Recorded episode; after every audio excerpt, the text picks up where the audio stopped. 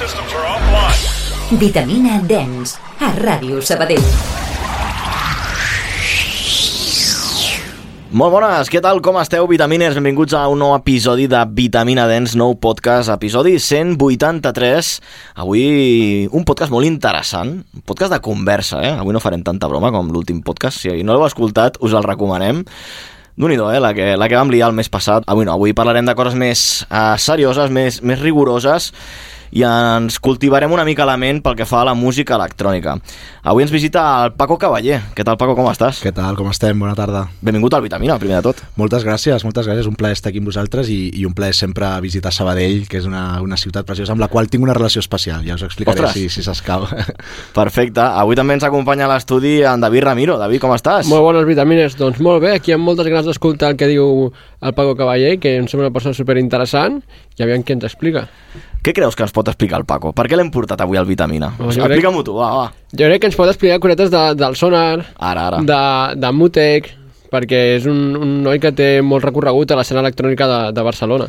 Exacte, una ciutat que tenim a tocar, aquí a, a Sabadell, doncs, per què no? Portar gent que també la toqui i que ens expliqui, no? Fora dels grans noms així tan comercials, de les sales també molt conegudes que fan moltíssima promo, també doncs, parlar de, de festivals alternatius de música electrònica i altres estils també de música electrònica, subgèneres eh, i sobretot DJs també, artistes, emergents... Doncs avui parlarem de tot això, vitaminers. No us enganxeu l'orella a l'altre costat del vidre també, no ens oblidem del nostre company tècnic, en David Moreno, i també en Rubén Esteves, que el tenim aquí a les xarxes socials avui. Però va, posem fil a l'agulla, posem l'agulla sobre el plat i res, eh, Paco, primer de tot et volem preguntar quina és la teva feina ara mateix. Jo estic eh, ara mateix, eh, bueno, és, és, sem- bueno, ja ho heu dit, estic treballant a Sonar. Jo fa dos anys, durant la pandèmia, jo estava a Merto, com molta gent, no? I, i la meva parella em deia tu algun dia acabaràs treballant al Sonar. I jo deia, uf, jo ho, ve, ho veia com un somni a, a realitzar algun dia, no? I, I de sobte un dia va sonar el telèfon i, i, i mira, tots els canvis que ha provocat la pandèmia, pues, en aquest sentit he sortit guanyant i, i des de fa un parell d'anyets que estic, que estic treballant a Advanced Music, que és l'empresa que organitza Sonar, i bueno, jo vaig estudiar periodisme també, o sigui que això dels micros i la ràdio i tal és jugo a casa també, diguéssim, i, i estic treballant a l'equip de comunicació com a editor de continguts, bàsicament. En què consisteix la feina de, Bueno, d'editor de continguts? Bàsicament, eh, nosaltres, jo i un company meu que és, que és de, de prop de Londres, que és anglès, doncs ell té la visió més internacional i jo la visió més nacional i local, catalana i de més. Entre els dos decidim una mica eh, de què parla Sonar durant tot l'any, és a dir, quins posts es fan a les xarxes socials, quins enviaments de newsletter es fa als subscriptors, eh, cada cop que hi ha un anunci important pues, eh, com presentem el line-up, a les notes de premsa, etc etc. És a dir, tot el que és el missatge de Sonar cap a fora eh, ha de passar per les nostres mans i som els que, els que el consensuem. Òbviament hi ha uns directors que marquen sempre el camí, no? però, però ens encarreguem d'executar i, de, i de dissenyar tota aquesta estratègia. Després entrarem més en qüestió amb el sonar, ara anem a conèixer-te una mica més, però tu n'hi la maquinària, eh? Sí, D'aquest festival. T'he de dir que, que déu nhi i a la vegada, i a la vegada és, és curiós, jo quan vaig entrar vaig dir, ostres, jo em pensava que això seria la NASA i realment són unes oficines amb, amb 30 persones treballant tot l'any allà, picant com animals i, i, i òbviament quan s'apropa el festival l'equip creix molt, no? Eh, però, però sí, sí, és una maquinària que sembla molt gran des de fora, però des de dins és tot molt familiar i queda tot molt com a casa, és, és curiós. Per conèixer-te més, havíem Mm. vist a- al teu LinkedIn que una de les altres coses que també havies fet és col·laborar amb Bitburger. Sí, Bitburger, que per qui no la conegui és una de les revistes digitals online eh, més, bueno, de les més conegudes o de les més clàssiques, per dir-ho així, de l'escena a nivell, a nivell estatal. I sí, he col·laborat amb ells, no, no et sabria dir ara quan vaig començar, però farà 6-7 anys, i, i bueno, no és que hagi deixat de col·laborar, però sí que és veritat que des de que treballo a Sonar eh, les, hores- el dia té 24 hores i també l'energia, no? És, és un treball molt exigent i, i és una mica com que, bueno, que quan surto de la feina el que menys, el que menys em ve de gust és continuar fent coses relacionades amb la música, no? És com que necessito desconnectar i tal, i ara mateix Bitburger ho tinc una mica aparcat, però bueno, sempre, sempre seran amics i, i bueno, de fet, si vas a la web encara trobaràs eh, articles meus i sobretot entrevistes Sí. amb molts artistes. Amb Bayuca, per exemple, Mm, sobre el Mira, Sí. aquest festival també de Barcelona, i el Mutec, Sí. que avui també en Sí, parlarem. Avui toca parlar del Mutec també, sí, el Mutec és, sempre serà com casa meva perquè al final va ser on vaig començar a, com es diu en castellà, a plantar pinitos no? en, en aquest mundillo. Com creus que, que ens hem de referir a l'electrònica aquesta, com deia abans a, a l'inici, que no surt als grans mitjans? Aquesta electrònica que no arriba al mainstream, no? és, és difícil perquè, per començar, i perdona que no respongui exactament a el que em preguntes primer, però què vol dir música electrònica, no? Perquè moltes vegades la gent parla del pop, el reggaeton i l'electrònica, i dius, no, però és que el pop i el reggaeton segurament també són música electrònica avui en dia. És que què no es fa amb música electrònica avui en dia, no? Excepte excepte un concert de flamenco amb un tio tocant les caixes o un guitarrista tocant la guitarra, quasi tot és electrònica avui en dia. Aleshores, eh, és, és difícil aquesta definició.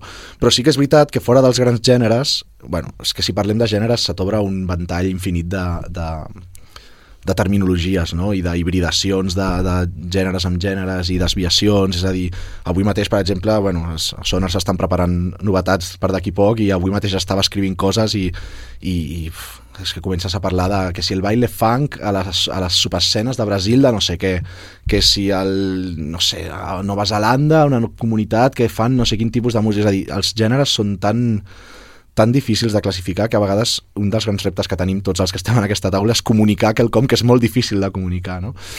Um, és tot un repte, és tot un repte que, és que crec, jo sempre he dit que eh, la nostra missió és posar paraules a una cosa que és difícil, d'explicar en paraules, no? Així que, així que retornant a la pregunta, com, com explicaríem aquesta electrònica que no arriba als mitjans? Jo considero que és una electrònica sobretot pensada per la introspecció, la que no arriba als mitjans. És a dir, eh, el, que, el tipus de música que es veu als mitjans és música, és música pensada per l'eufòria, per, no sé, posem per cas festivals com Tomorrowland o coses així, no? i veus desenes de milers de persones saltant totes coordinades al 3, 2, 1, let's go, sí. no? Eh, I en canvi la música que no arriba a aquest mainstream crec que és música que la gent que la gaudeix a una pista de ball la gaudeix d'una manera molt més introspectiva o, o no una pista de ball, pot ser un concert d'ambient perfectament, amb gent asseguda, però és gent que va escoltar la música i a ballar la música cadascú amb el seu propi, a la seva pròpia experiència, i la pots compartir amb altra gent, però no hi ha una, no, no hi ha un, una performance orquestada, no? El públic no està orquestat, sinó que és, és gent que busca aquest, aquesta connexió espacial, individual, amb, amb els sons acabo de fer jo mateix una introspecció amb, amb aquesta reflexió que acabes de fer i aquesta definició de, del que fa, pel que fa a la música electrònica més experimental, no? més, més alternativa. Tu, David, ho veus així? Perquè abans ho hem parlat, nosaltres és veritat que consumim molta música mainstream. El Vitamina és un programa de molta música mainstream, toquem gèneres com el house, el tech house, parlem de festivals, com deies tu ara, el Tomorrowland, aquí a Espanya el Dream Beach, Branch, no? Estem més ficats en aquests temes. I quan hem anat a sessions, per exemple, l'any passat que vam poder, vam poder anar al Sonar, ho dèiem, primer dia, Apex Twin, Bicep, era... Què és això? És que això no té res a veure, com deies, amb un gran festival, amb tot el públic orquestrat. És que m'ha molat molt això que has dit. Tu, David, ho vas viure així, m'ho deies, no? Sí, i a part una cosa que a mi em va impactar molt és la, les mitges d'edats i que, sí, sí. i que no hi havia postureo amb els mòbils. O sigui, la gent estava ballant i, i estava vivint l'experiència que és el sonar.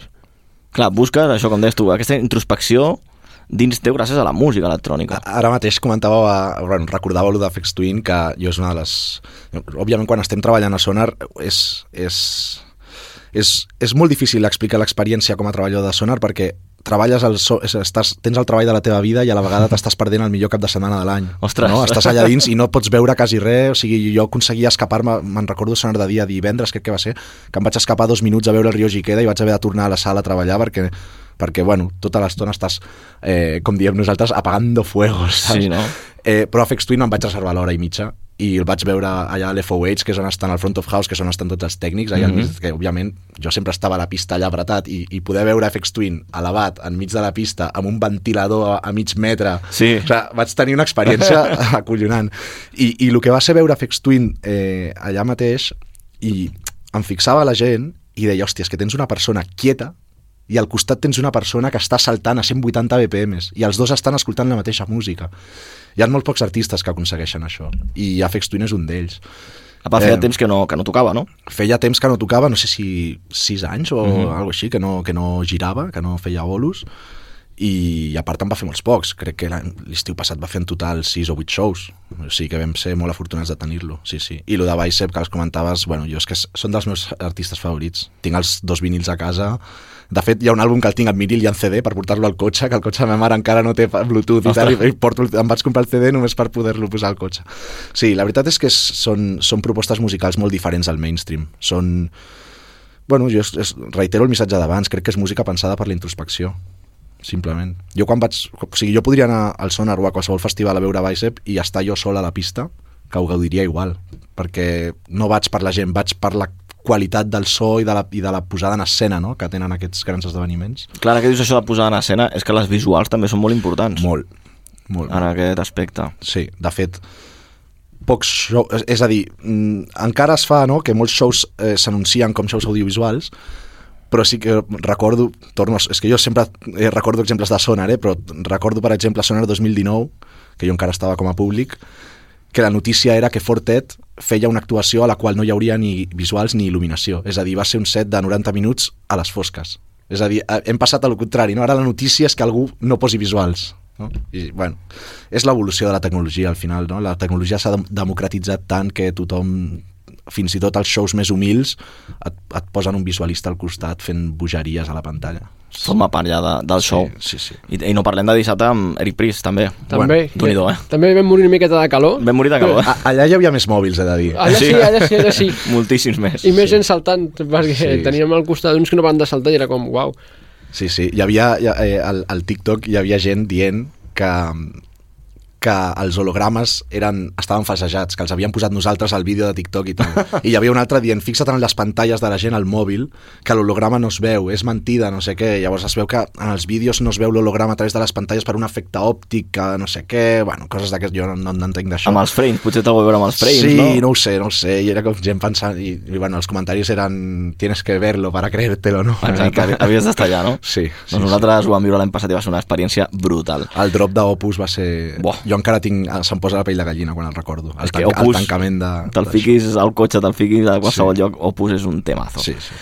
Obrim, doncs, va, que és que ja, ja hem començat parlant del sonar. Sí, és que, Per això estàs aquí a mi, a mi em passa sempre, me'n vaig de birres amb els col·legues i acabem parlant de treball, per mi. Sí, sí. Uh, obrim no la carpeta, el carpesano de, del sonar. Sí. Dèiem abans que nosaltres des d'aquí de Sabadell veiem el sonar com un festival molt proper i fins i tot la gent de Barcelona, la gent d'aquí, del nostre país, ho veu com un festival molt proper, però quin significat té el sonar fora d'aquí, trencant fronteres? Uf, de, com, de, Com es veu el Com sonar? es veu des de fora, eh? Des de fora. Ostres, mira, sincerament, eh, m'encantaria fer-li aquesta pregunta al company que et mencionava abans, Mhm. que, és, que ell és anglès i està treballant amb nosaltres, no? i ell va conèixer, va venir a Sonar com a estranger i mira, ha acabat treballant, treballant-hi allà. Eh, és una bona pregunta. Jo crec que hauríem de fer una divisió. Eh, D'una banda tenim el món UK, els britànics, Sonar al Regne Unit és molt conegut i, el, i, i té un reconeixement altíssim. Eh, el, el, el percentatge de visitants britànics a Sonar sempre és el més alt de, de, quan, a, quan a visitants no espanyols, diguéssim, és a dir, de, de les... O sigui, la primera nació que ha visitat La primera el sonar... nació que visita el Sonar, després de lo que és catalans, espanyols, com ho vulguem dir, de fora, el primer són els britànics i amb molta diferència. Uh -huh. És a dir, sempre ha sigut una comunitat molt, molt, molt important. Um, allà a UK veuen el Sonar com, com l'avantguarda de- d'Europa, diria. Sí, sí, sobretot a nivell de tecnologia. És a dir, al Regne Unit tenen festivals que pel que fa a DJs o a experiència de clubbing són increïbles, com pot ser el Houghton mateix, allà a prop de Norwich, que de fet ha anunciat el line-up aquesta setmana, o la setmana passada, crec, i és, que està curat per Craig Richards i és un festival increïble, o tens festivals, per suposat, molt més grans, no? eh, que es podrien assimilar al Primavera Sound d'aquí o, o coses així, però, però quan a, quan a avançament en tecnologia, quan a, quan a desenvolupament i fins i tot quan a l'apartat inclús de negoci, que és una paraula que ara ja no utilitzem tant, però son- la part de Sonar més D eh, abans utilitzava molt aquest claim de business, no? Eh, a Regne Unit sempre ho han vist molt així i, i molta gent de la indústria, eh, i per, quan parlo de la indústria parlo pues, des de mitjans com Resident Advisor, Mixmag i companyia o DJ Mag a, a plataformes com Ableton o com Beatport o, com, o fins i tot Bandcamp, que aquests són nord-americans, però bueno, que tot aquest món anglosaxó eh, sempre ha tingut Sonar com un meeting point de referència a lo que és, a lo que és el, el circuit anual, no? juntament amb, amb la Miami Music Week al març i el- i l'Amsterdam Dance Event al, a l'ADE a octubre. Uh -huh. Eh, I en quant a la resta de països d'Europa, pues, la veritat, no, no, no et sabria dir com el, com el perceben, però sí que, però sí que, que tenim visitants de molts països, Itàlia és molt important, França, per suposat, per proximitat, Portugal també, eh, però és que jo me'n recordo el primer any que vaig mirar la llista de, de, de països assistents a Sonar i tenies coses inverosímils. No sé si no recordo si hi havia Botswana o no sé què, o coses així que dius, uau, ve gent de molt lluny a, al festival. I aquí, a casa nostra, hi ha consum, hi ha, hi ha Sí. públic d'aquí, si no? Sí, sí, sí, i sobretot aquí hi ha un tema eh, que és la pandèmia, és a dir, des de que hem tornat de la pandèmia, però ja no és Sonar, eh, sinó a nivell global, perquè tenim dades d'altres festivals també, i a nivell global, eh, el, és a dir, per a tots els festivals, estiguin on estiguin, la importància del públic local d'allà on, on succeeix el festival ha augmentat moltíssim després de la pandèmia. Motius? Per començar, que després del Covid la gent té menys pasta i viatja menys. Segon, que també tot el que és volar, etc és més car. Però el motiu que creiem que és més important és, i diràs quina relació té, és l'escalfament global. És a dir, eh, abans els britànics, per tenir un fest, per poder ballar en bon temps eh, a l'aire lliure havien de venir a Espanya Mhm. i ara a l'agost a UK tens festivals amb sol, eh, sense pluja, a 25 graus. Llavors ja no tenen aquesta necessitat de venir a països com Espanya a tenir aquesta experiència. I això eh, bueno, no és que estigui afectant, sinó que està canviant una mica o, o, o la, cap a on orientes els missatges i, i com targetitzes a, als diferents públics, no? Perquè, perquè, bueno, perquè això és una cosa que està passant. Ja et dic, a festivals de tot el món, eh? No és una cosa nostra. Però bueno, nosaltres ho hem notat. La importància del públic local cada cop és més gran. I Barcelona com a ciutat ja, ja ven molt, també, és una ciutat molt coneguda. Nosaltres tenim aquesta gran avantatge. Clar. Nosaltres i els nostres competidors de, de, de Barcelona eh, tots tenim la mateixa avantatge que és que, que, és que eh, Barcelona és una marca que per si sola ven moltíssim. Sí, sí. I tot aquest ecosistema que es crea la mateixa setmana, Love Sonar, Love Week, eh, tot aquest seguit de sessions de grans segells de música electrònica, això també ajuda, no? Sí, bueno, Com deies, un eh, epicentre. eh, Sí, jo eh, per això abans destacava una mica aquest, aquest trident, no? de Miami Music Week, eh, ADE i entremig, al juny, eh, nosaltres li diem la Sonar Week amb, amb, amb tot el que és, tot, tot el que veu una mica de, del festival, bueno, de, de, de Sonar, no? que és, són els diferents esdeveniments, Sonar de dia, Sonar més D, Sonar de nit i, i Off Sonar, que, que també hi ha molta gent que no ho sap, però bueno, també forma part una mica de, de la proposta de, de Sonar. Eh, de fet, hi ha artistes cada cop més que actuen off Sonar i també a Sonar, i bueno, es, es retroalimenta. Eh, I per suposat, en paral·lel, pues, altres, altres promotores i, altres, i tots els clubs de la ciutat i tal doncs es, es aposten perquè saben que, que la ciutat en aquella setmana és epicentre mundial de, de tot això i, i aposten per, per una programació de dilluns a diumenge fortíssima. Sí, sí, i això, molt forta, Això sí. ens enriqueix a tots, sí. I tant. També tenim Ibiza, no? que això, aquí al Vitamina hem parlat molt d'Ibiza i hem anat. Clar, Ibiza, mai hi ha hagut una connexió del sonar amb Ibiza, No. quan és una de les illes també un epicentre de la música electrònica cluber, eh, però últimament potser també una mica més mainstream, no? Tot plegat. Sí, uh, jo sempre dic, quan, quan he escrit sobre l'escena espanyola, sempre, oh, sempre he dit que Eivissa veu a part. És a dir, quan parlem de qual, qual, quin és l'estat de salut de, de, la- de l'escena espanyola, no? I podem parlar de, de pues, Madrid, d'Andalusia, del nord d'Espanya, no sé què, no sé quantos, però Ibiza, Ibiza perdó, és, una, és, un, és un món a part. Jo no et sabria dir si, el que, eh, si tot el que succeeix a Eivissa forma part de l'escena estatal, de l'escena italiana, de l'escena europea, o és com una mena d'oasis allà al mig on, on durant sis mesos pràcticament els artistes hi viuen allà, no? Sí. Bueno, els DJs sobretot, Els perquè, DJs. perquè Eivissa, si t'hi fixes, tot el que són live performances, poquetes. És, Poqueta, sí. és quasi tot DJ, DJ, DJ. Eh, sense criticar-ho, eh? És una proposta diferent i ja està. Amb Sonar mai hi ha hagut una relació molt estreta, és veritat. No, jo al final porto dos anys treballant a l'empresa, no, no tinc tampoc el bagatge històric, no? però, però sí que és veritat que... També et dic que són dues marques, per dir-ho així, Ibiza no és ben bé una marca, però o dos conceptes, dos idees que crec que tampoc m'acaben de fer match, no? No sé, crec que són coses bastant diferents. O sigui, Ibiza ho veig com, com també obert a qualsevol tipus de públic i esdeveniments com Sonar crec que són més com a mínim per a, per a públics una mica més inquiets en aquest sentit, no? que busquen, una, mm, que busquen eh, no sé, que tenen més necessitats eh, a nivell artístic, que busquen aprendre o descobrir, o que almenys estan oberts a deixar-se sorprendre per, per el que passa a l'escenari. Una de les coses que també ens crida l'atenció sobre el sonar, que això, a la nostra cercle d'amistats, de, sobretot de gent més jove que comença a fer de DJ, que avui en dia doncs, hi ha una explosió de nous DJs, que tu els dius, ei, saps què és el sonar? Aquí al Vitamin hem parlat algun any, fem l'agenda, aquest any ve aquest, ve l'altre, no sé què, només es fixen amb els més coneguts. El tema del preu de les entrades, creu que també és una manera de filtrar aquest públic més objectiu perquè vingui a gaudir de l'electrònica i no de la festa?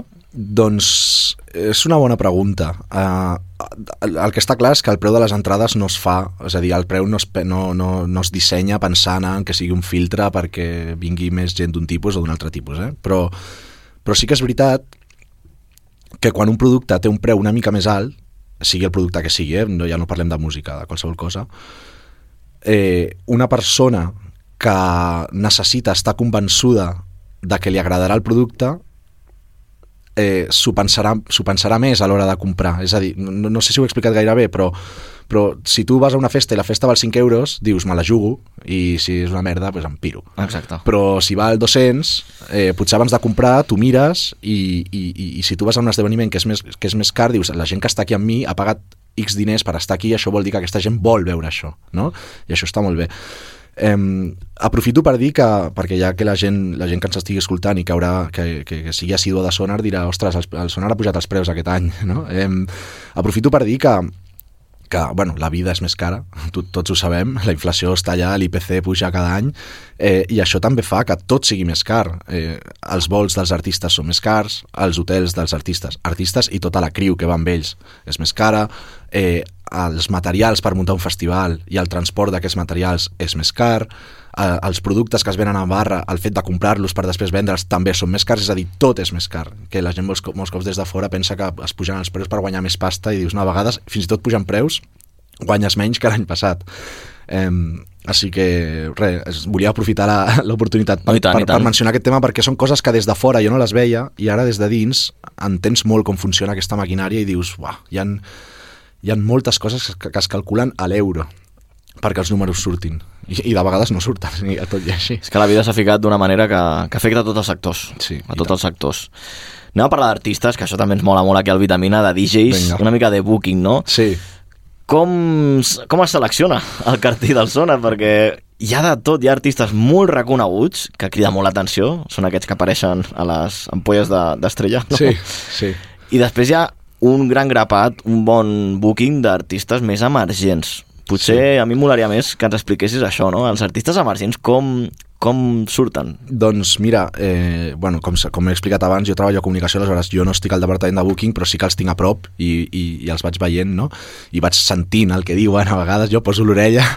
Eh, és gent, eh, els bookers, em refereixo, és gent, són gent molt, molt inquieta musicalment i molt, molt, molt culta. És a dir, jo a vegades que tinc converses informals amb ells i, i et comencen, sí, porque este es el del sello tal, de la fiesta tal, ¿sabes? Aquellos que antes hacían no sé què en el no sé dónde i ara tal, i dius, buah, ho sento, no et segueixo, o sigui, estic molt fora. O sigui, que, o sigui, si nosaltres aquí estem asseguts i considerem que entenem de música, aquesta gent està a un altre nivell, ¿vale?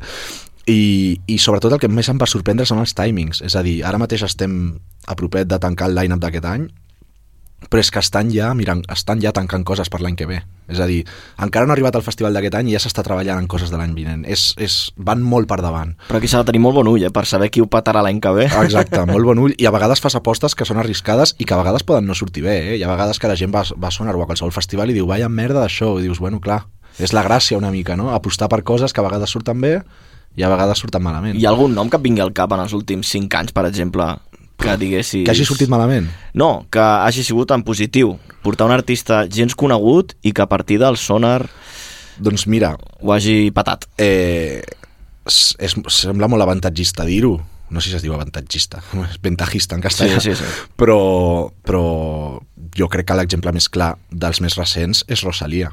Quan Rosalia va actuar a Sonar el 2018, mm, a part del primer, del primer àlbum, que era el a Los Angeles, que realment no era gens conegut, jo almenys no coneixia quasi aquesta noia, eh, quan va actuar a Sonar només havia tret el, el Malamente, que és el primer tema del Malquerer. I el, i el que és l'àlbum, el Malquerer, encara no estava ni anunciat. Ostres. És a dir, ella va aparèixer allà, jo en aquell moment, ara fliparàs, portava les xatxes d'un tablau flamenco, també. vale? Del tablau de Carmen, que està allà al poble espanyol. Al costat Molt de random, eh, tot plegat. Molt random, molt random. Mm, Ja t'explicaré per què, si Vale, ve el vale. cas. I, la, i la, la dona del flamenco em va dir, ah, vas al sonar, no sé què, i em va dir, tienes que ir a ver a Rosalía. Estuvo un día cantando en el tablao y es un ángel de mujer, la que voz tiene, no sé què, tal qual. Jo vaig pensar, a mi no m'agrada molt el flamenco, però bueno, aniré a veure-la. I érem 20 col·legues, només un va dir, venga, me vengo contigo. ¿vale? Vam sortir del concert, que, que bueno, no diré el que va dir el meu col·lega perquè no sona molt bé per dir-ho a la ràdio, però vam sortir d'allà dient què collons acabem de veure. I, i clar, a partir d'allà, des, després del show va anunciar que, que treia l'àlbum, l'àlbum va patar, va començar a fer gira mundial i, el, i a l'estiu següent, 2019, va actuar com a headliner a Primavera Sound. Aleshores, és un clar exemple del trampolí que, que a vegades suposa un festival com Sonar, en el qual conviuen eh, artistes, eh, com deies, super mainstream, bueno, super mainstream potser tan... Bueno, sí, podríem dir super mainstream. Zetangana és un artista mainstream, Sí. per exemple, amb, amb artistes que a vegades estan fent el, el primer live de la seva vida a Sonar, possiblement, no? Altres exemples que em venen a la ment, eh, el propi Zetangana, que va actuar a l'antic Sonar XS, que era un escenari molt petit, eh, o la Batial, també, que la Batial va, ser, va, va actuar primer al Sonar XS, amb molt poca gent veient-la, després va actuar al Sonar Village, headliner de Sonar de dia, i l'any passat va estar al pub amb 10.000 Sí. sí. persones mirant-la i sent pràcticament headliner d'aquella nit. No es podia ni caminar. Eh. Lo confirmo. Ha d'haver, per això, música electrònica dins de les seves produccions, perquè això ens, ens crida molt l'atenció, que aquests artistes que acabes de dir són molt urbans. I no només el Sona Primavera també ha apostat per aquests gèneres. Sí. Per què? Per què, encara que no hi hagi electrònica en el seu ADN, toquen a Sonar? no hi ha electrònica de club. És a dir, jo, jo el que crec... O sigui, jo, aquest matís crec que és important. Uh Mhm. -huh. eh, primer que, la, que el que són els gèneres urbans, que a mi no m'agrada molt aquesta paraula, però sí que és veritat que no trobo una alternativa idònia per utilitzar, eh, sempre han estat presents a Sonar. Jo recordo, recordo no, perquè no hi vaig ser, era molt jove, però no sé si va ser el 2013 o alguna així, va actuar a Calle 13 a Sonar, saps, per exemple. Eh, eh, això venia al cas de que eh, jo, jo sempre me'n recordo als, els meus amics i els hi deia és que jo quan tingui 65 anys que ja no sortiré de festa, evidentment, ja quasi no surto ni ara. quan tingui 65 anys i, i, i ja estigui que no m'aguanto, tinc molt clar que aquell fin de continuaré anant a Sonar cada any perquè potser ja no estaré tan atent a el que passa en el món de la música, però sé que anant aquell cap de setmana a Sonar, en tres dies m'empaparé de tot el que està passant a nivell musical en aquell moment, ¿vale? Aleshores, si jo quan tingui 65 anys vaig a Sonar i Sonar no m'ensenya que està passant tot això que està passant amb les Albanis, les Batllals i les... Compa bueno, Batllal és molt més gran que Albani, però amb la Zoe o amb tota aquesta mm gent, crec que Sonar estarà deixant de ser fidel a aquest paper que té de... de de, de em, em surt la paraula escaparate en castellà, no? no Sí, com un aparador. Exacte, aquest paper d'aparador eh, que t'ensenya tot el que està passant a l'espectre de l'electrònica més enllà de lo que hi ha de, de, dels Calvin Harris i companyia, no? I, I crec que si no inclogués aquests sons urbans no estaria cobrint tot l'espectre. Llavors crec que és molt important, i jo no soc, soc gens fans, eh? soc, soc gens fan d'aquests d'aquests sons, però, però trobo que és interessant. Jo no aniria mai a un concert del Morat, per exemple, però perquè em trobaria molt fora de lloc. I gràcies a Sonar he vist el Morat, i puc opinar sobre el que fa, i puc dir que no està tan malament el que fa, fins i tot. I gràcies al Sonar potser he vist a, a artistes, que ara no els diré per respecte a ells, però que m'han semblat mm, una merda, que no ho eren, segurament, eh? Una merda en el sentit de que no m'han agradat gens. I gràcies a Sonar els he vist i puc opinar sobre ells, perquè mai aniria a un concert d'aquesta gent, o mai aniria a un festival de només gèneres urbans, o mai aniria a un festival de reggaeton, no? Crec que aquesta és la gràcia, també. I tant. Nutrir-se-ne una mica de, de nous gèneres i, i aprendre. Nosaltres l'any passat ja ens va passar, vam sortir d'allà que vam dir és que hem sortit amb uns coneixements nous i mira que portem anys escoltant electrònica, anant a clubs de Barcelona però és que el sonar t'obre molt la ment. Sí, és a dir, jo, quan vas a clubs a veure artistes que t'agraden i tal, jo sempre poso l'exemple de, de que el, el Shazam treu fum, no? Perquè vas a, ostres, vaya temazo, què tal vull, Shazam, no sé què tal. A Sonar molts cops ja no és fer Shazam, és, uah, és que he descobert un gènere nou que Sí. em flipa, o sigui, jo me'n recordo de les meves primeres sessions de, de UK Garage de dir, uah, però què és, què és, això és drum and bass? I el, no, no, no és drum and bass, però s'assembla perquè va molt ràpid, no sé què, collons és això? I jo vaig aprendre allà fa 5 o 6 anys el que era el UK Garage, i ara m'encanta el UK Garage, per exemple. Són coses, o sigui, aprens, o sigui, se t'obren mons nous directament. I això, buah, això, això té, molt, té molt de valor.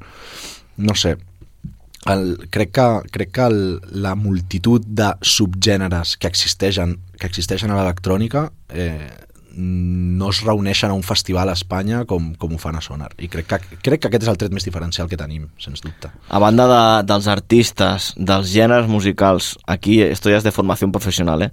la qualitat de so del sonar Ah, sí. a mi em va tirar enrere. És una borrada. Soc tècnic de so i li vaig dir al David l'any passat, eh, David, Sí, ostres, sí. com sona això? Perquè a part l'espai, que ho expliquem, el sonar de nit, nosaltres vam anar al sonar de nit, són, és la fira d'Hospitalet, no? la fira de Barcelona Hospitalet. És molt gran allò, hi ha molta reverb, però tot i així sonava brutal, sobretot la, la sala més gran, El Sonar Club. el Sonar Club, sí. El Sonar Club és una borrada com sona. Buah. Jo... jo... Com s'aconsegueix això a nivell tècnic? és no que ho sé. podríem portar un enginyer de... de... No sé, el que sí que et, el que sí que et puc dir és que, és que és la mateixa persona cada any, des de fa 30 anys. Ah, sí? Sí, crec que sí. Ostres. Crec que sí. O, o almenys, diguéssim, l'equip l'equip que dirigeix tot això, l'equip tècnic que dirigeix tot això, són els mateixos que porten 30 anys fent-ho. I ha avançat molt la tecnologia del so Sí. i de la il·luminació. Però jo, jo pateixo, perquè penso, el dia que no estigui aquesta gent, espero que, que la receta de l'abuela la deixin ben apuntada És com un per- pels- restaurant. clar, per, pels que vinguin després, perquè si no... És que quants festivals hi han que tenen bon cartell i sonen fatal i... Mm, jo no diré noms per respecte, òbviament, però és una llàstima. Jo he deixat d'anar a festivals per l'experiència de so. De dir, escolta, és que... Però ja no només perquè se sent fluix, és que sento més a la gent que a l'artista. I veig més a l'artista a la pantalla que no... O sigui, no sé. Crec que, la, crec que això és un aspecte que molts festivals no cuiden el suficient No. i crec que haurien de fer autocrítica en aquest sentit perquè l'experiència d'usuari, com a qualsevol negoci que vens, crec que és primordial, no? Si tu vas al, si tu vas al Lluís Companys ara a veure el Barça i tens un seient de merda i no veus res, mmm, deixaràs d'anar-hi per molt que siguis del Barça. Pues això és una mica el mateix. Per molt que t'agradi Afex Twin, si no sona bé... Un altre espai que ens va deixar al·lucinats va ser el Sonar Car, Mm. amb un so Function One, envolvent, Sí. això també, ostres, 360... molt interessant, eh? Sí, i no sé si sabíeu, però el Sonar Car, eh, que crec que té ja com a escenari, no sé si 10 anys d'història, més o menys, va néixer amb una idea i està mutant radicalment. Eh, en un principi va néixer amb la idea de, de ser un escenari on... Bueno, de ser com un club dins de- dins d'un festival, en, el, en un escenari en el qual s'apostava per un artista o una actuació, un artista o dos en back-to-back, alguna així, eh, a cada nit, i aquests artistes actuaven eh, 6 hores, non-stop, era un extended set, de 12 de la nit a 6 del matí, i era com una experiència que tenies dins un festival, no? De, òbviament, jo sempre pensava que com a assistent a un festival perdre't 6 hores en una única sessió és una mica, ostres, et perds moltes coses, no?, mentrestant. Sí, en un festi Però, sí. bueno, hi havia gent que, que li agradava això. I si no, també ho podies tenir com una muleta, no?, de dir, ai, mm, ara, no sé on anar ara, ah, ens fiquem 45 minuts a veure què estan punxant aquests i després i, ja, i hem tingut allà des de Lauren Garnier fins a Masters at Work, fins a Seth Troxler, John Talabot, gent d'aquesta fent 6 hores, que clar, imagina't el viatge des de l'ambient fins a l'acid techno o fins al trance, passant per mil i un gèneres, no? I això l'any passat es va fer, pel 30 aniversari, es va apostar per una, per una nova fórmula, el dissabte només, i vam voler eh, plasmar, és a dir, vam voler agafar tot el, tot el que és el projecte musical de l'antic Sonar XS a Sonar de Dia, que ara seria el Sonar Park, eh, que és un Sonar XS fet gran, que és una mica la, la representació de- dels, dels sons de les noves generacions que pugen ara, ja no, no només d'artistes, sinó de públic, és a dir, què escolta la xavalada d'avui en dia, que, que probablement aquesta xavalada ja no, no, no en vol saber res de Seth Troxler, aquesta xavalada vol escoltar Chico Blanco, vol escoltar d'una perspectiva més europea, doncs potser la DJ Gigola o, o gent així.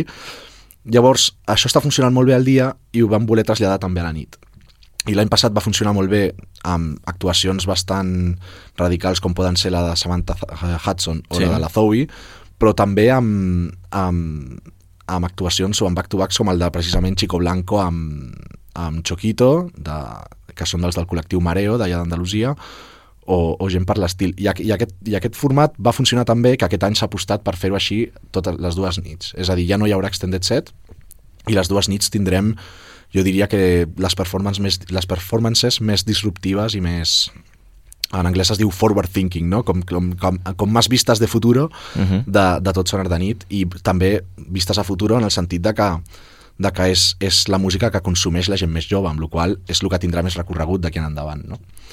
Les noves generacions, eh? Sí. Una altra carpeta a part, Sí, que d'un clar. la de música i inputs que tenen, eh? Bueno, i sobretot que, que és gent que va complir 18 anys eh, confinada. Sí? I això et marca de per vida, no? I, I surten, surten ara amb una, amb una...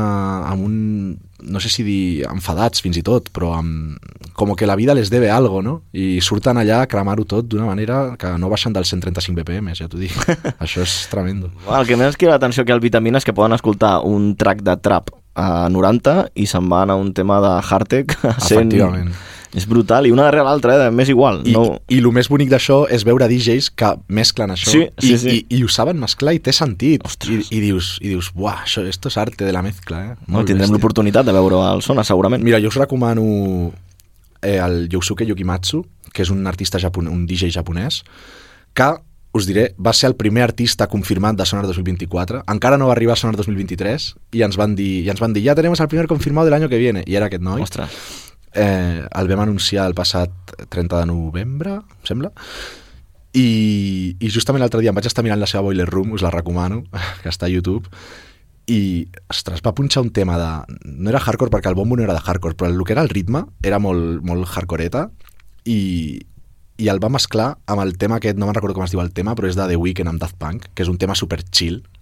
I el tio es va quedar amb el tema de Daft Punk i, i, i The Weeknd super chill i el tio ballant com un animal com si fos hardcore tot suat i jo deia, buah, aquesta locura La- què és? la podrem I és- viure, també. La podrem viure a Sonar de dia, Com no, mola. ara no recordo quin dia, però bueno, està a la web, ho podeu veure i, i és el que li agrada a la gent jove, és el que vol la gent jove, que també em sembla molt bé perquè fa 10 anys tu t'anaves a qualsevol discoteca de Barcelona i no crec que et punxessin un tema de The Weeknd. I avui en dia sembla que el, és a dir, l'underground, per dir-ho així, entre cometes, perquè no ens estan veient i estic fent gestos aquí, l'underground ha aconseguit entrar en el mainstream, m'explico, Taylor Fass, Paul Kalbrenner i companyia han actuat al mainstream de Tomorrowland, però a la vegada el mainstream està entrant a l'underground, perquè tu te'n vas a una sessió super underground de, de, de, jo què sé, de happy hardcore o el que sigui, i et foten un tema de The Weeknd allà barrejat. I aleshores dius, hòstia, que fort, s'estan s'estan estan convergint les dues, les Sí. sí. dues tendències, i, i crec que això és riquesa. Està Aquesta connexió. bé.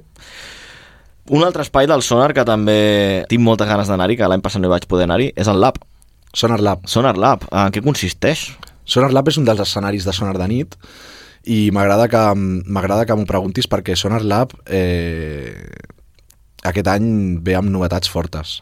No sé exactament quin dia penjareu això, crec que serà el mes que, el, el març, sí, això estarà a- penjat. Aviat, sí. Doncs eh, quan estigui penjat ja sabreu de què, Oh. de què, de què tracta, però com que això s'està gravant una mica abans de quan es penja, ara mateix no puc, no puc desvelar informació, Exacte. però Sonar Lab fins ara eh, aquests últims anys havia sigut Sonar Lab by Resident Advisor. La, el que és el comissariat artístic del, de l'escenari es va fer es va fer en col·laboració bueno, s'ha fet sempre en col·laboració amb ells vale? i aquest any pues, s'ha canviat. Sonar, eh, Resident Advisor ja no és a dir, continua com a, com a mitjà que cobreix Sonar i òbviament la relació amb ells és, és, és molt sana i molt correcta. Però el que és el comissariat de Sonar Lab i, i una mica també el que marcarà el layout de l'escenari aquest any eh, serà amb gent nova que no puc desvelar, però promet ja, ja dic, quan es, la gent quan estigui escoltant això pot anar a la web de Sonar i llegir-ho perquè ja estarà tot publicat i, i serà una passada el, el nou, la nova disposició tècnica i audiovisual de l'escenari. Que podríem dir que aquest escenari, aquest espai de, del Sonar de nit, el Lab, és el més experimental, no? És el més... Sí, Per sí. fer les introspeccions aquestes de les que parlaves, el sí, millor, no? Sí, 100%, 100%. Eh, clar, ha estat comissariat per Resident i això fa que, que hagi tingut sempre un toc molt UK i jo la paraula que he utilitzat sempre per definir el Sonar Lab als meus amics, sempre dèiem que, era, que Sonar Lab és un refugi. És un refugi, perquè tu has Sonar de nit és a dir, si tu ets, si tu ets un cluber d'aquests friquis que, que el techno i el house per tu són mainstream i el que vols és pues, drum and bass, breakbeat, etc etc, sons d'aquests una mica més inquiet, de, per gent inquieta, um, tu a Sonar Club sempre tens els, els shows principals de la nit, els headliners, mm. i al pub pues, pots tenir concerts que siguin més...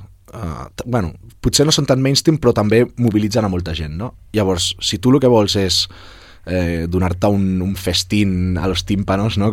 De, de, de, de sons futuristes i coses molt, molt, molt complexes i molt concises, el teu refugi és el Sonar Lab. I si tu no vols veure el Zetangana i no t'interessa veure Moderat o The Blaze i, no, i la Batllal ja l'has vist o no és el teu rotllo i tu el que vols és que un DJ et peti o un live et peti el cervell, et quedes tota la nit al Sonar Lab i sempre t'aniràs a casa content. Sempre. És el refugi. El refugi, ens quedem Sí. amb això, eh? Ostres, molt interessant.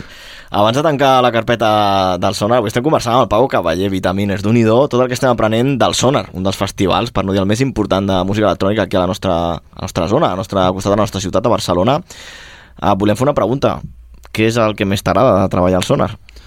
Què t'emportes de treballar al Sonar? Uh, aviam, m'agraden moltes coses de treballar a Sonar, però el que més m'agrada de treballar a Sonar... El que menys m'agrada de treballar a Sonar és que em perdo el Sonar, ja ho he dit abans. Sí, però és molt important, Això, eh, això ho tinc molt clar, o sigui, és el, el FOMO, eh? el FOMO de treballar a Sonar és molt dur, ja us ho puc dir. Eh, no em tingueu enveja, creieu-me. Jo tinc enveja de vosaltres quan estic al festival i veig allà 10.000 persones ballant Bueno. i jo estic a dalt i ho veig des de, de la finestreta Però i dic, que cabrons. Pots anar caminant per la VIP, no? que això també està guai. Sí, sí. sí. T'estalvies la drecera aquella, no? la, La, la pulsareta aquesta que et deixa entrar tot arreu és tremenda. I, home, i poder, anar, i poder anar a lavabos de fàbrica, o sigui, de lavabos de, diguem, no Ah, policlin, sí. sinó un lavabo de veritat i tal, aquestes coses a la nit, sobretot, es, es s'agraeixen molt. No, el que més m'agrada de treballar a Sonar, jo et diria que és que, que en el meu dia a dia continuo fent o estic fent el que abans feia eh, per, per, per pura afició. És a dir, jo tenia els meus, les meves feines, que, que ja començaven a ser d'aquest mundillo, però a part d'això, jo sempre a les meves xarxes, de manera totalment desinteressada i per pura passió, escrivia sobre, sobre les mogudes que a mi em molaven i, evidentment, escrivia molt so, sobre Sonar. I clar, i ara cada dia destino 8, o a vegades més, hores al dia a fer això. Aleshores dius, hòstia, estic fent el mateix que feia abans i amb una nòmina fi de més, i això és tremendo, no? Aleshores, jo crec, faig aquesta reflexió molts cops, i, òbviament, com a, qualsevol, com a qualsevol feina, hi ha dies que són fotuts, eh? òbviament. Però en aquests dies sempre acabo pensant, no t'oblidis que estàs fent una cosa que, si no estiguessis aquí, l'estaries fent igualment perquè és el que et mola, i això és molt heavy. Jo crec que això és el que més m'agrada. Doncs molt interessant aquesta reflexió i treballar del que t'agrada, eh? que això sempre Sí. ho diem vitamines, que estudieu el que estudieu, que ara hi ha moltíssima gent formant-se, no? decidint a què es dedicarà el dia de demà, doncs decidiu el, algun estudi, alguna feina que el dia de demà us agradi i que quan us, us lleveu pel matí diguéssiu, ei, jo vull anar a treballar. 100%, 100%. David, t'ha quedat alguna pregunta així pendent de, del sonar? No, la veritat que ho ha explicat tot superbé Sí, i, i sí que és veritat que tinc moltes ganes d'anar aquest any perquè ja he vist, cart eh, ja he vist una part del cartell i ja hi ha un disseny que em té ja boig Aquí, aquí, digueu, digueu. a Marlon... Marlon Oh, Hofstad. Sí, Marlon Hofstad. Aquest rotllete així noventero, és, eh? és, és, és dels meus tops d'aquest any, Sí, també. jo també tinc moltes ganes, jo també. AK DJ Daddy Trance. Daddy Trance. Té una boiler room espectacular. Té dos, però... Sí, té una bola a Sydney o... Té- Bueno, a no, Melbourne. a, a, a, a Melbourne. Brutal. A lo de, allò de la Sugar, Sugar Mountain o no sé què, que és aquella boiler room tan famosa que fan sempre a moltíssima... Austràlia. Surt molta penya a la boilera aquesta. Sí, sí, sí, és, és on es va fer tan famós el, el tema aquell de el Neutron Dance de Crystal Clear, no sé si se'n recorda de quin tema és, però... De quin any? De, dos, jo diria que va ser 2018, algo així. Però sí, aquella Boiler Room sempre posa molt de moda molts temazos. Ara que sí, dius perquè això- es fa sempre al principi d'any, que allà és estiu, al gener, i, i sempre és principi de any los temazos que llegan d'Austràlia? Doncs et segueixo, t'agafo el fil perquè l'any passat Peggy Go Sí. va, no sé si va presentar el Nanana, el temazo... A Sonar, vols dir? Crec que sí, o el va... Mm, Era, era molt nou. jo el vaig escoltar el primer cop allà. No, no, doncs no, no, no, ja, ja el teníem fitxat. De fet, jo estava veient la PIU perquè tenia la missió de gravar quan sonés aquell tema, perquè per, per, per penjar al TikTok la, al moment, perquè era molt viral en aquell moment i tal. Però no, no, va sortir crec que, no sé si a l'abril o al maig, però sí, sí, era molt nou. Era Però molt jo, nou. jo quan el vaig escoltar dic, ostres, si això és 90. Sí, sí, sí. Sembla bueno, que torna, bueno, eh? és que de fet el, el cinte, el cinte que té el tema de, del nananà, sí, és el, és el cinte de el famós tema aquest de 9pm Till I Come, que és un tema de trance dels 90, que de fet la pròpia Peggy Goo va fer un post tocant el, el, el cinte d'aquell tema Sí, i després veritat. el cinte del nananà i dient com, sí, me he inspirado en eso, no seáis pesados, o sea, no lo oculto, perquè Ja. l'estaven rajant, en plan, has plagiado, has plagiado, i ella, no, no és plagio, és m'inspiro. Bueno, i el sampling avui en dia Sí. està pantalla hi ha, passada. Hi, hi ha temazos que dius, buah, aquest tema és increïble i sempre acabes descobrint que està inspirat en un altre tema. és, és així. Doncs sí, descobriments que vam poder fer l'any passat al Sonar. Esperem que aquest any també fem descobriments nous. N'hi ha molts. A mi m'encantaria recomanar-vos coses, però passa el mateix que amb el lab, que quan, es, quan ens estiguin escoltant, segurament ja hi haurà moltes Que coses ara mateix, anunciades. a quin tant per cent es troba el cartell? De... Ara mateix tenim anunci... en en el moment que estem gravant, Sí, estem gravant a febrer. al febrer, estem gravant a, a, a principis de febrer, el... crec que tenim 70 noms anunciats, més mm. o menys, i actuacions musicals, perquè clar, també tenim la part discursiva de Sonar Més D amb activitats que no són musicals, però actuacions musicals, justament avui les he estat comptant i crec que estaran al voltant de 130. O sigui que estem lleugerament per sobre de la meitat anunciades. Insisteixo, quan ens estiguin escoltant poden anar a la web de Sonar perquè estarà, hi haurà molta més cosa ja. Hi haurà algun nom que direm, buah, m'ha explotado la cabeza. O Sí. se podrà esperar. Sí, aviam, tampoc vull crear falses expectatives en el sentit de que el 30 aniversari va ser un, pelot, un doble pelotazo, o sigui, tenia FX Twin i, i el show holo d'Eric Pritz i Batial a Sonar de nit eh, va, ser, va ser una passada. Jo crec que el, el missatge principal de Sonar 2024, que és l'edició número 31, crec que és un line-up que, que està basat en la innovació, però m'explico. En la innovació en el sentit de que et combina els artistes que en el seu moment van innovar i van ser pràcticament pioners de la música de ball, eh, artistes que ara mateix estan reinventant els gèneres i marcant eh, els, els temes que més s'estan escoltant en aquest moment i artistes que s'han passat el joc de la innovació i estan fent el que segurament molta gent escoltarà d'aquí a 5 o 10 anys. És a dir, eh, te reúne lo mejor de ayer, de hoy i de mañana, saps?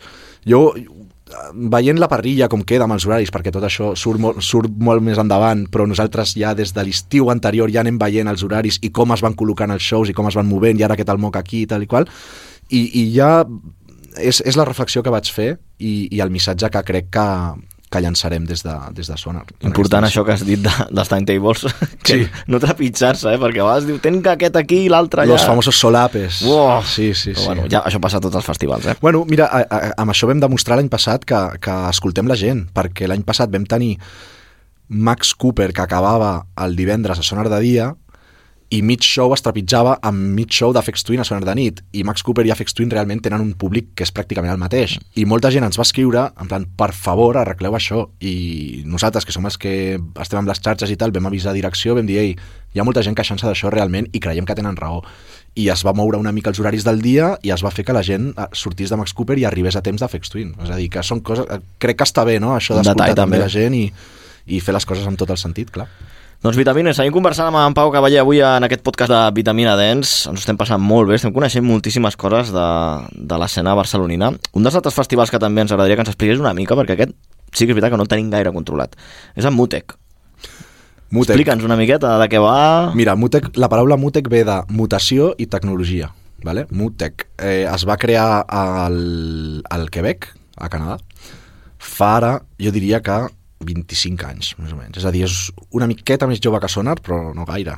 I, i allà, allà al Canadà Mutec és una, és una absoluta institució. És a dir, es podria quasi, quasi equiparar a el que és Sonar aquí. No tant, perquè no, no porta artistes tan grans, però, però sí que és molt conegut allà. I, bueno, amb, amb el pas dels anys, una mica com va passar amb Sonar també, o amb altres festivals, eh, ha, anat, ha anat creant eh, mútecs arreu del món, no? Ara mateix crec que té, bueno, o almenys abans de la pandèmia tenia actius Mèxic, Buenos Aires, uh, Tòquio, bueno, Japó, no sé si és Tòquio, crec que sí, Tòquio, i, i l'únic que hi havia a Europa era Barcelona. És Barcelona, vaja. Vam sala, eh, bueno, dic vam perquè jo abans treballava allà.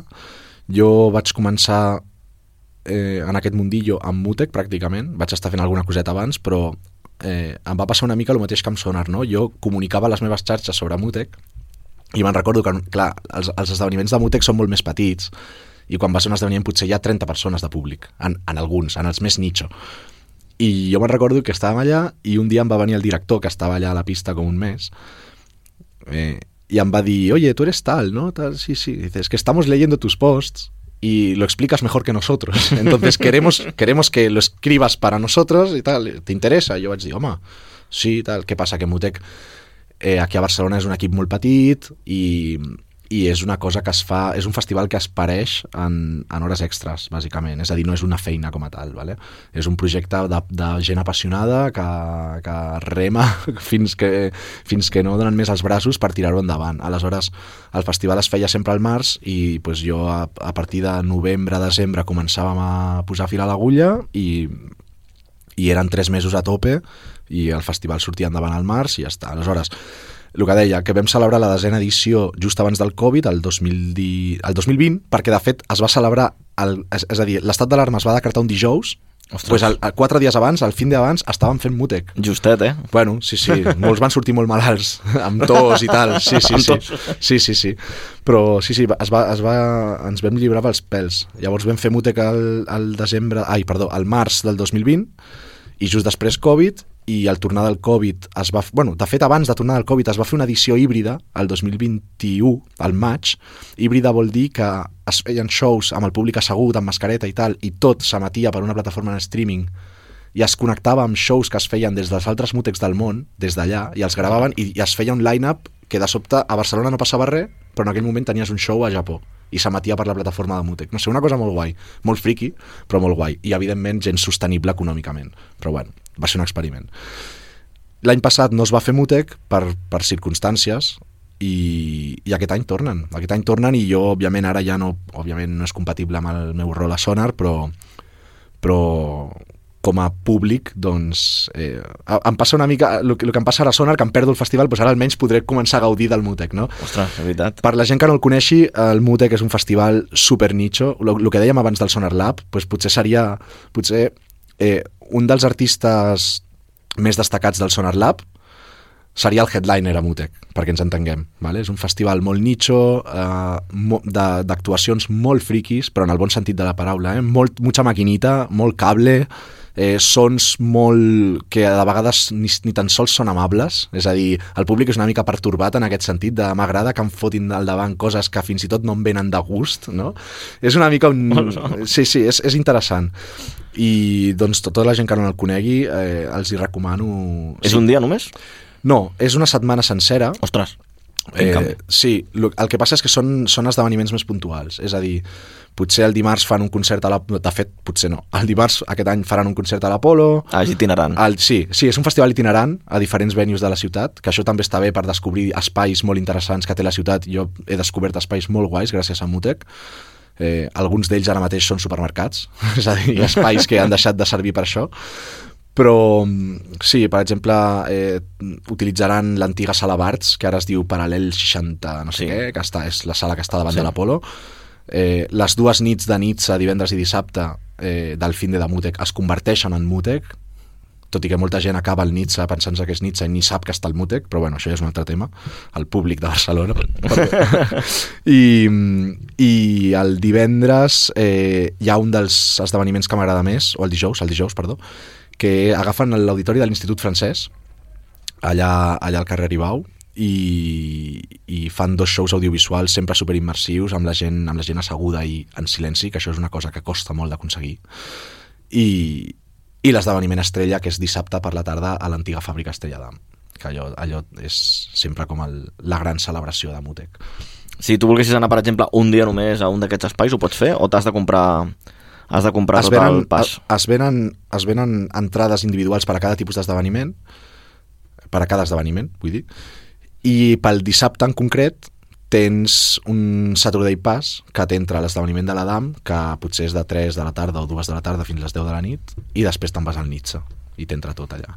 Jo, si algú vol descobrir Mutec, li recomano anar a l'Adam el dissabte. És, és un esdeveniment molt, molt guai, la veritat. Doncs Mutec, ja ho sabeu, Vitamina és un festival que acabem de conèixer fins i tot aquí els que estem al Vitamina, que no estem tan acostumats no, a aquests sons així disruptius, com deia, i Jo sempre he parlat del meu trident, no? El novembre, el novembre Mira, el març Mutec i el juny Sonar. Són com... Em passi el que em passi, jo cada any aquestes tres dates no me les perdo per res del món. Entre els tres t'emportes un, una fotografia del panorama avançat de la música electrònica a nivell mundial eh, super imprescindible per mi. Un dels altres festivals on també hi has col·laborat uh, és el Fort. El Ford Festival, una, Ostres. altra, una altra aventura. Ostres, m'estic adonant que he fet més coses de les que pensava. ja passa això, eh? el Ford Festival. Molt guapo aquest festival, sobretot per la ubicació, no? Sí, el, Molt guai. El, el castell, l'antic castell medieval de Tossa de Mar. De Tossa. Sí, és que me'n recordo de les notes de premsa que s'havia de dir així, Antiguo Castillo Medieval de Tossa de Mar. Espai idíl·lic també per... un espai idíl·lic Sí. i, i, i, i molt gafe perquè vam tenir, vam tenir pluja a cada edició i era, Oh. era, era ja l'octubre que, Que a octubre- tant de bo plogués ara, no? a l'octubre o qualsevol Sí, mes de l'any ara- pues mira, me'n recordo un any que fins i tot va haver-hi tormenta elèctrica allà, te- tempesta elèctrica allà Mm. a sobre de eh, és a dir, no a sobre del festival, però teníem el mar i veiem allà a l'horitzó uns rajos i tot, i dèiem, encara haurem de cancel·lar i tot, saps? Sí, això va ser, això va ser una petita aventura perquè jo en realitat estava col·laborant amb... És que, fixa't, la gent que muntava el Ford Festival és la gent que feia la festa, o que fa actualment la festa Locket, que en aquell moment les feien a l'Input i ara les estan fent al Patxà. Vale? I aquesta gent de Locket van ser els primers d'aquest mundillo que, que, em van, que em van, per dir-ho així, detectar. O jo estava fent les meves mogudes a xarxes i van ser els primers que em van, que em van dir te queremos invitar a nuestras fiestas i, i que postees sobre nuestras fiestas. Van ser aquesta gent de Locket. Arrel de Locket vaig començar a anar a Input i la gent d'Input em va dir vente a totes les fiestes. I llavors els de Locket em van dir vamos a hacer un festival en Tossa de Mar, que serà el Ford Festival. I jo, ah, vale, pues venga. I llavors ja estava ficat en el ajo i el del Ford Festival va sortir així. Eh, però ja et dic, allà eh, jo no vaig estar... O sigui, jo allà era més un col·laborador que escrivia les notes de premsa i tal, que no, que, o sigui, no estava en una oficina en el dia a dia, llavors no et puc parlar tant dels inputs eh, interns d'aquell festival, la veritat. Però una llàstima, no?, que hagi desaparegut. O què ha passat? Perquè Sí, també un, any, un uh, any volíem anar amb el Vitamina, crec que ho vam, vam arribar a enviar la, la petició de premsa Mhm. i no sé si ens van, van contestar però no sé que no s'havia de celebrar o yeah. marxava a França. No hi ha una connexió sí, Franco... Sí, és a dir, la gent de Locket, eh, un era el Gerard Bauza, que és de Tarragona, i l'altre era el Julien, que és de, diria que de Toulouse, del sud de França, crec, uh -huh. que, tu- crec que de Toulouse. Aleshores, tant, llavors, eh, bueno, cadascú tenia els seus contactes aquí i allà, llavors el Ford Festival és un projecte que es va parir una mica amb, amb, aquest, amb, aquest, amb aquesta eh, influència una mica del sud de França, no? perquè el, el Julien també tenia molts amics eh, DJs d'aquella zona que també venien a punxar al festival, llavors a Locket també, llavors Locket sempre ha tingut un toc molt de Toulouse, realment. La gent no, no ho deia obertament, però era així. I el Ford Festival igual. Què va passar? Va passar que l'Ajuntament de Tossa de Mar va començar una remodelació del castell que en teoria havia d'acabar a, a temps i no va acabar a temps. Llavors es volia fer al castell de Lepertús, que és com el primer poble que hi ha Cert, sí. quan creues la frontera a França, em sembla. Però és que, sincerament, no recordo si això era abans del Covid, llavors es va parar per culpa del Covid, o es va cancel·lar per un altre motiu i després mi- va arribar el Covid. No, a mi no, em passa igual, no recordo ben no, bé, però... no recordo exactament com va ser. També recordo que... El que sí que recordo és que durant el Covid vam tenir converses perquè potser s'organitzava a, eh, a Roses. Es volia fer a Roses, que també hi ha una També, antiga també. muralla o no sé Sí. què. I es volia fer allà i estava tot el projecte en marxa, però aleshores de sobte que si les restriccions volvien, ara no volvien, i al final pues, un altre cop tornaven a, No, sí. a impedir els, aquest tipus d'esdeveniments, llavors es va pausar tot i entre una cosa i l'altra pues, al final no es va fer aquella edició i el que és l'equip organitzador pues, pel que tinc entès pues, bueno, no, pel que tinc entès no, vull dir pel que veig eh, pues no, no, no, no ha reprès el projecte no, no desconec els detalls i si els sapigués tampoc, tampoc hauria de- Ja. d'explicar-los perquè això són coses ja més Internes, sí. internes i personals no, de, de cadascú Bueno, perquè sí. malauradament no, que sembla que hagi passat molt des de la pandèmia, però no tant. No tant, no I no, tant. es- no va afavorir gens això. Bueno, hi ha festivals o fins i tot sales de, de Barcelona com Raz que van estar en perill. Razmataz, a- això deien almenys, no, Això no, és que, deien. no és que posi en dubte la seva paraula, eh, però, però sí, això deien, que, que, que no, no, no sé, semblava... El que passa és que jo veia moltes sales que deien si no, continuem, si no rebem ajudes haurem de tancar, si no rebem ajudes haurem de tancar. Les ajudes mai van arribar i no han tancat. Aleshores, jo realment no sé si la situació era tan límit o no. Segurament sí, no dic que no, segurament sí. Jo, per exemple, recordo eh, jo sóc de les Corts i vam estar fent les festes majors de les Corts i em van convidar a una xerrada també i va venir el, el, el ara no em sortirà el seu nom, però bueno, el del MUC, que és un dels clubs més mítics de Barcelona, i el tio allà, allà a, la, a la xerrada ens va explicar com estava la situació perquè estàvem encara amb Covid i, i realment eh, és que estaven, o sigui, estaven fent comptabilitat perquè el club super, sobrevivís i eren comptabilitats de xifres, de, de, o sigui, de números de tres xifres. És a dir, estem parlant de, de, de molt fotuda la cosa, saps? I, i bueno, jo estic content de que almenys ningú, o pràcticament ningú, hagi hagut de tancar. No, mm, per sort. De, almenys de les principals... Aviam, és evident que l'Apolo no tancaria. El Razmataz, per molt malament que ho passés, aparentment, per sort no va haver de tancar. Altres potser més petites, Però clar, i ja si ens anem a les discoteques més mainstream, aquestes potser sí que ràpidament van haver de tancar i no han tornat a obrir. sí. Jo aquí tenia sempre el, la discussió amb, amb la gent que no està tant en aquest món, perquè es parlava molt de l'oci nocturn, no? El famós oci nocturn. Sí. I jo sempre deia que, que ojo, perquè no és el mateix una discoteca de música comercial, per dir-ho així, on la gent va, on la gent va pues, a, a lligar i tal, no és el mateix que una sala petita on, on hi ha una programació artística, on cada dia punxa o actua una persona diferent, etc etc. Crec que una cosa és cultura i l'altra cosa no és cultura. Sense menysprear-ho. És una cosa que també és molt necessària i la gent per trobar parella a vegades ha de sortir a lligar. No és res dolent. Però que un concepte i l'altre concepte es, consider es fiquin tots a la mateixa saca d'ocio nocturno, de cara als polítics, crec que va ser molt injust. Una mica, sí. Vale? Perquè llavors les ajudes a la cultura que es donaven a biblioteques o a museus o al que fos, no es donaven a, cert, a, a les sales de concert. Ja no et dic a discoteques, a sales de concert. Perquè es considera que les sales de concert és oci. I, ostres, crec que la música és tan cultura o més que un llibre o que un quadre. Saps? És un debat interessant. És un debat interessant que jo vaig tenir molt, molt durant... Jo al final treballava en aquell moment a una, a una altra empresa que també era del món i, i, i clar, no teníem les ajudes de la cultura i dius... "Uf, És, bueno, eh, crec que és una injustícia. I a altres països d'Europa, sobretot Alemanya, Berlín i tal, es considera cultura i aquí no, i és una pena, la veritat. Bueno, aquí des de fa poquet també s'ha reconegut la figura del DJ, no?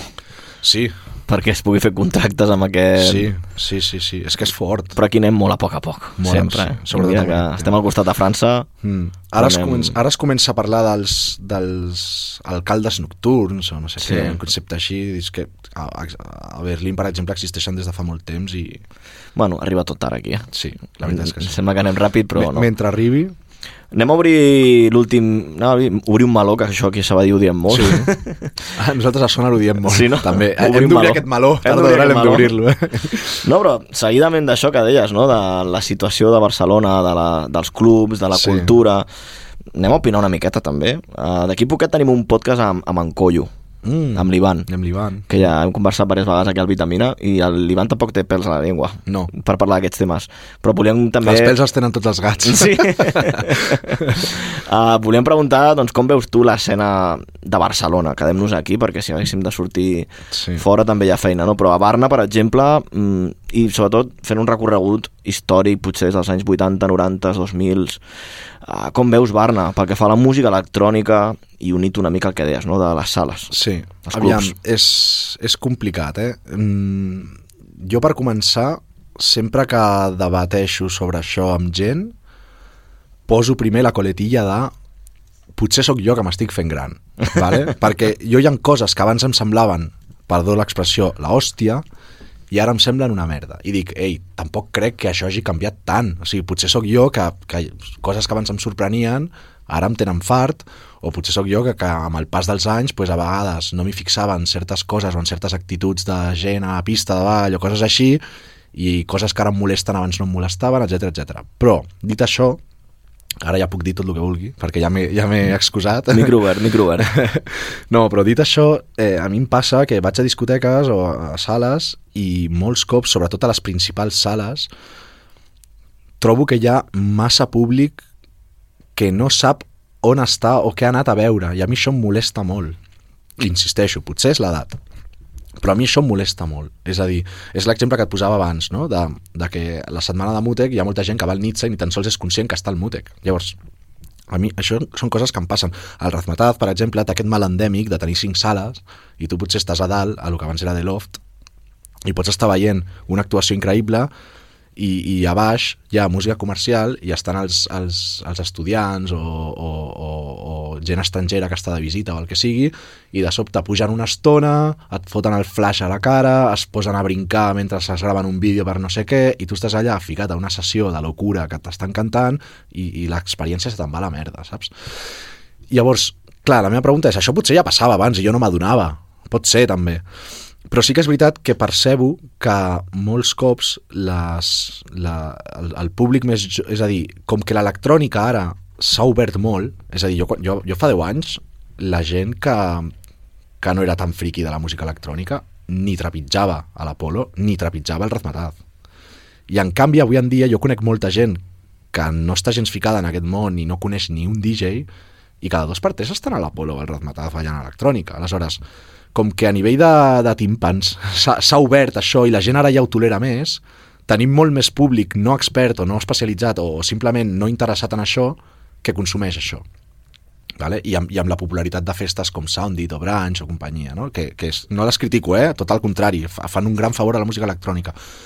Però pa passa una mica el que passa amb tot, que quan, quan, quan creix i quan abarca molts més públics perquè, perquè, li, perquè va bé i funciona i agrada, automàticament molts públics que no estan interessats en això ho acaben consumint per inèrcia, no? la, famosa, la famosa massa crítica de, de, de població que fa que la, la, els altres vagin com a borreguitos detrás, fa que l'experiència dels que estaven allà des del principi empitjori.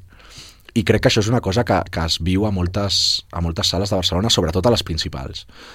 En paral·lel, en paral·lel crec que hi ha sales més petites, algunes més conegudes i algunes que fins i tot no tenen llicència de, de, de nightclub, de discoteca, i per tant han de, han de tancar a les 3 de la matinada, que estan fent coses molt interessants i on allà sí que el públic que hi va, hi va perquè ha vist el que hi ha aquella nit i vol veure el que hi ha aquella nit.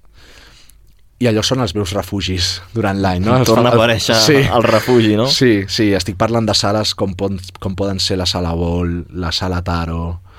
Eh, La UT, per exemple, des, això és, llavors, i, i dels que tenen llicència de club, l'Out, The Garage of the Base Valley, eh, que està a Hospitalet, però bueno, jo sóc de les Corts, o sigui que no em queda tan No lluny. queda lluny, no. Eh, deia l'Au perquè coneixem a, en Mario, sí. sabadellenc també. Ah, és de... ah, bueno, clar. Sí, sí. En Mario, vols dir el, el, el, el, Lucien? Lucien, sí, sí. clar, clar, clar. Ah, no Gràcies sabia a- que era de Sabadell. Sí. Da- D'aquí la seva relació també amb l'Envasat, clar. I tant, ara i tant. Entenc, ara entenc. I aquí al Balboa l'hem vist més d'un cop. Clar. Jo he estat al Balboa, també. Ja us he dit que tinc una relació amb Sabadell. no, a l'Envasat no he anat mai, veus? El tinc pendent. És I el, interessant. I el Mario sempre m'ho diu. És interessant. No perquè siguem d'aquí, te l'estiguem venent. Ja. No, el line-up sempre de fet és molt interessant i hi ha artistes que es, es, que, que es comparteixen molt amb Sonar, no en el sentit aquest que són des de Marina Herlop, Clara Aguilar... Eh, Sí, sé. fa un parell d'anys crec que va venir Chico Blanco, per Chico exemple. Blanco, sí, sí, sí, Gaz, 100%. Gazzi també. Sí. Però bueno, tornant a, tornant a això que estàvem parlant, eh, hi ha aquesta, sí, és a dir, aquestes sales més petites, l'Out, de Garage of the Valley, el Red 58, eh, crec que ha tancat i... No sé si, crec que ara ha tornat a obrir, però no sé si la programació és la mateixa, no estic gaire segur. Eh, això són els refugis, realment. Jo, les sales grans, eh, les trepitjo molt ocasionalment i quan el que programen és quelcom que m'interessa especialment. Doncs torna a aparèixer la paraula de refugis. Els refugis, que s'han de trobar refugis en aquest món en el que vivim. Eh? I més amb els inputs, perquè un dels temes també que sempre surt aquí al Vitamina, qualsevol tertúlia, és el de les xarxes socials. Uh -huh. Ja s'ha dit el gordo. Pues ha sortit el tema de les xarxes. Avui en dia Sí. la gent té molts inputs a les xarxes socials. Sí. De, Ah, mira aquesta sala... S'està mira... yendo de madre, lo de les xarxes. Sí. I, I jo treballo en això i, i, i, i ho noto, bueno, vosaltres també, eh, no? però vull dir que, que jo ho noto en el meu dia a dia, és a dir, s'està anant de madre completament, o sigui... Em, el, o sigui, que tu, hagis de, que tu hagis de produir un vídeo i hagis de pensar que els primers dos segons és el més important, perquè si no la gent ja fa scroll, Sí, és com, sí. hòstia, nano, deixa'm parlar una, una estona més, saps? O sigui, en quin món vivim...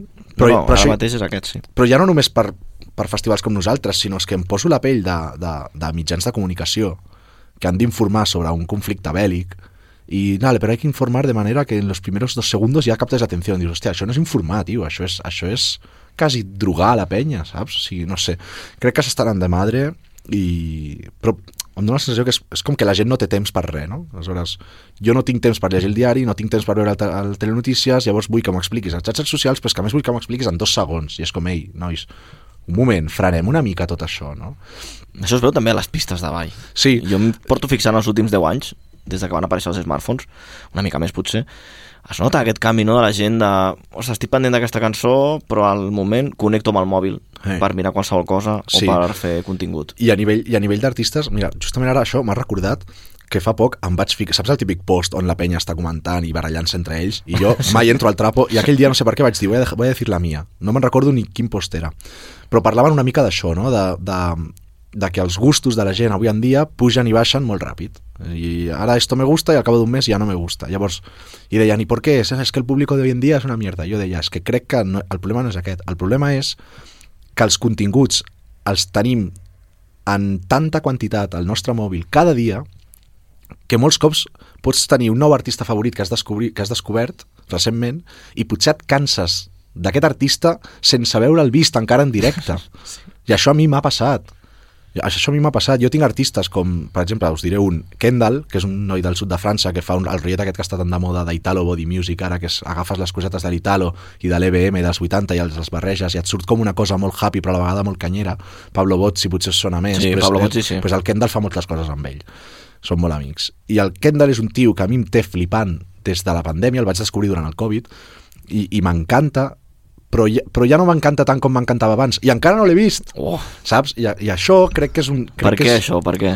Bueno, perquè, perquè, perquè a internet ho tens tot tan a l'abast que quan algú t'agrada t'atiborres, no? De boilers, de vídeos, sí, no? Sí, sí, i, i, i, i va, ja, est- aquest tema m'encanta, va, me'l compro, va, el punxo, va, no sé què, i de sobte mai has, mai has vist aquests artistes i ja estàs cansat d'aquest so, ja estàs en un altre. Llavors això està fent una mica que, també des de la perspectiva d'un artista, com ha de ser treballar la teva carrera artística amb un públic que, av- que avui li agrades i demà ja no li agrades. O sigui, ha de ser Com a artista és difícil, ha de això. ser, salut mental i aquestes coses ha de tenir tela, aquest assumpte, saps? I, nos, I jo, per exemple, amb, amb Sonar tinc l'avantatge de que és una marca amb tant recorregut que no és una marca que desapareixerà de, de, de l'espectre de la gent passat demà, però, però un festival més nou pateix aquest risc, també. Ha passat. Ha passat. I passa, sí, sí. Que la gent de sobte s'oblidi d'un- que un festival existeix. Saps? A Sonar ho tenim molt fàcil perquè, perquè no, no t'oblides, no? Perquè surt, al, surt a la tele, fins i tot. Aleshores, clar. Són 30 anys, també. Sí. És una marca increïble. Jo sempre dic que el, el fin del sonar el bo que té és que no has d'avisar els teus pares que estàs al sonar, ja ho saben, no? perquè ho veuen, al, ho veuen a la tele i ja saben que estàs allà, saps? Deies que compraves música i que punxaves. També punxes? Sí, Ostres. sí, com a hobby, eh? Com a Di- hobby. Bueno, però DJ també, no? Sí, sí, com a hobby. Compro... Bueno, jo mai he tingut... Eh, mai he pagat subscripció de Spotify i aquestes coses, no m'agrada. No m'agrada... Bueno, no sóc gaire... No m'agrada com, com distribueixen els, els diners amb els artistes. Aleshores jo el que faig és comprar a Bandcamp. Jo quan jo tinc l'app al mòbil i quan un tema m'agrada, compro aquell tema. Llavors aquell tema el puc escoltar les vegades que vulgui. I això al principi sona molt bonic, però hi arriba un moment que et tornes loco i et pots arribar a gastar molts diners. Saps? Ja t'ho puc garantir. Però, però sí, faig això i, i punxo, punxo amb amics. Els meus amics tots punxem. De so... La meva àvia sempre em diu, però tus amigos són los del cole o los del hockey o los del tal? I perquè jo faig jugar a hockey. I jo, no, els conec de la música. Què vols dir de la música? Bueno, de, sí, de sortir de festa, de la nit. Els meus millors amics som tots, tots punxem i, i, i hem fet un grup de gent friqui d'això i, i tota la nostra vida gira, gira al voltant d'això. És, Com mola, de la música, no? de la música electrònica, en La concret, electrònica. del clubbing. De fet, jo sóc dels pocs que encara no s'ha aventurat a, a mesclar vinils, però els meus amics ja han tirat milles amb els vinils i ara punxen, alguns punxen vinils eh, a un nivell increïble i jo dic, joder, o sigui, fa res estàvem amb, amb, amb una Numark d'aquestes de 100 euros i amb el Virtual DJ, saps? I en, i en 5-10 anys... Però hem- torna, torna el vinil, torna. El vinil torna. I el CD tornarà, també. Sí, de moment, el, crec que va ser el 2018, va ser el primer any que es van vendre més vinils que CDs des de que existeix el CD. Imagina't. Imagina't. Sí, hem parlat sovint aquí al Vitamina també de, de tot aquest tema. Sí, sí. Doncs Paco, eh, per acabar aquesta conversa tan interessant que hem tingut a, avui amb tu, digue'ns algun track, recomana'ns un track ara mateix no puguis parar d'escoltar. Doncs mira, vaig a fer el que, et, el que et deia Vinga, abans. Vaig anar a Obre el meva, Bandcamp. a- obro el Bandcamp i miro les meves últimes les meves últimes adquisicions i aviam quina... Tinc aquí un remix de Barbie Girl de, de UK Garage. Abans que, recordes que abans Sí, sí. de UK Garage? Però no, anem a buscar... Mira, ja que, deia, ja que parlàvem abans del, del Pablo Bozzi i aquest rotllete, eh, us recomanaré una seva que es diu Danger Zone, com zona de perill. Sí, sí. Danger Zone de Pablo Bozzi. Us la recomano. Doncs la ficarem una estoneta en aquest podcast per acabar. Vale, perfecte. Pau Cavaller, uh, un plaer tot el que has vingut avui a explicar, perquè... Sí, ho sento, parlo molt. No. No. Demano, demano perdó a l'audiència. ja us t'he dit abans de començar que parlava molt. És el que mola del podcast, no? Sí, doncs t'agraïm sí, moltíssim sí. que t'hagis passat per aquí per Ràdio Sabadell, pel Vitamina Dens, a parlar sobre música electrònica, que també és d'agrair. Sí. I amb tot aquest coneixement que ens has deixat sobre aquests festivals no, més alternatius i em quedo doncs, això amb aquesta manera d'interpretar la música electrònica d'una manera més interior, no? No només de festa i de... Exacte, introspecció. Introspectiva. I aquí estem posant-li paraules a, a algo que, a quelcom que no, que no es pot definir en paraules realment, que és la música. Per cert, ens veiem tots el 13, 14 i 15 de juny a Sonar 2024. No podia marxar sense dir-ho, que si no foten bronca. No, ja tenim... Aquí, aquí un servidor ja té el passe. Després veurem a veure si com premsa també podem fer alguna cosa segur, per vitamina. Segur, segur. Segurament, no? Sí, compteu-hi. No, doncs merci, Paco Cavaller, merci. David Ramiro, gràcies també per estar avui per aquí. T'ha molat la conversa, no? Sí, molt, i encara m'han entrat més ganes d'anar al sonar, com he dit sí, al principi. Ja l'any passat ja vaig al·lucinar, aquest any estic desitjant que arribi per bon, poder anar. Una data que s'ha de posar a l'agenda, i tant. A l'altre costat del vidre, la part tècnica, David Moreno, que avui no li hem posat micròfon, però ens diu que guai, no? Tot bé? Anem a sopar, no? Que també ja toca. A aquestes hores... I el Balboa, després, a prendre alguna cosa. I potser Balboa, que el tenim aquí al costat de, de la ràdio sempre. Sí, sí. Uh, Ruben Estevez a les xarxes socials també aquí fent una mica de clipping. Aviam aquests reels, no? a veure també si surten aviat amb totes les teves uh, declaracions. Sí, ho passaré al assessor d'imatge aviam si les aprova. Segurament. Això és Top Vitamina, ens escoltem al proper podcast. Una abraçada, uh, seguiu-nos a les xarxes Spotify també. I molta vitamina, com sempre. Molta vitamina